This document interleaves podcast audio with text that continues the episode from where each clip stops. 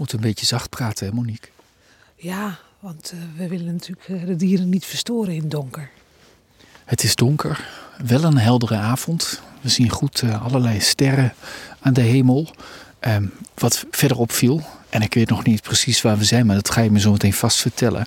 Maar we zagen veel vlindertjes die actief zijn in, in de avond. Avondvlindertjes, nog nachtvlindertjes. Ja, motjes. En ik denk omdat het nog niet zo heel koud is geweest dus die, die vlindertjes die zitten nog niet in winterrust. En uh, ja, dan komen ze toch vooral even op het licht af.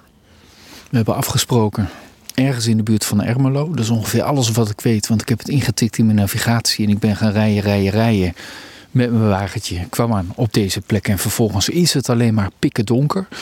Maar dit is een goede bosuilenplek. Ja, dit is, een, uh, dit is het Speulde is een heel donker bos. Uh, dit is in het plaatsje 3. Dat is een klein buurtschapje in de buurt van Ermelo. En wij staan nu op een uh, natuurkampeerterrein. En dit bos is vooral zo aantrekkelijk voor boshuilen omdat dit een oud beukenbos is. Want bosuilen zijn gek op beuken. Nou ja, beukenbo beukenbomen die hebben vaak van die holtes. En daar broeden ze graag in. Dus bij voorkeur zitten ze wel in oude beuken. Ja, want hoe ouder de boom, hoe meer van die holtes zich uh, er ontstaan. Ja, precies. En uh, zelfs als je overdag, als zo'n bosuil erin zit, dan moet je heel goed kijken om ze te zien.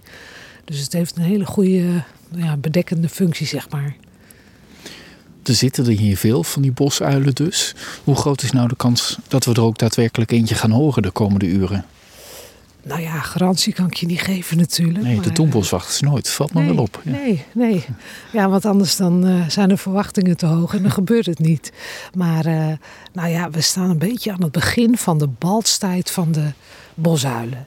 En dat betekent dat de mannetjes uh, nou ja, aan de ene kant laten horen, dit is mijn territorium. En ook aan de vrouwtjes laten weten van, hé, hey, hier ben ik. Ik heb een mooi plekje gevonden waar wij kunnen gaan broeden. Je zei al, we zijn op een camping. Nou ja, er zijn geen gasten of wat dan ook, maar jij hebt hier ooit overnacht, toch? Met de boshuilen erbij. Ja, ik ben uh, zelf een keertje in mijn zomervakantie hier uh, wezen kamperen. En dat was in augustus. En in augustus, uh, nou ja, horen en zien verging je bijna van de, van de boshuilengeschreeuw. Maar dat is een andere periode als nu. Nu is het de balstijd. Maar in augustus zo'n beetje, er zijn de jonkies die zijn groot. En die gaan dan op zoek naar hun eigen territorium. En dan laten ze ook weer goed van zich horen. En maken de mannetjes dan wel hetzelfde geluid als nu? Weet je, dat typische uilengeluid wat we allemaal kennen? Nou, het typische mannetjesgeluid, dat is, uh, nou ja, oehoe. Het is geen oehoe, maar hoehoe, heel zachtjes. Het vrouwtjesgeluid van de boshuil is heel apart. En dat is een eh, heel hoog kiwiet, kiwiet. En als je niet beter weet, dan denk je of een jankende kat of een huilend kind.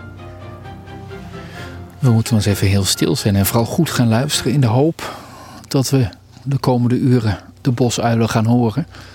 En als dat gebeurt, dan melden wij ons weer.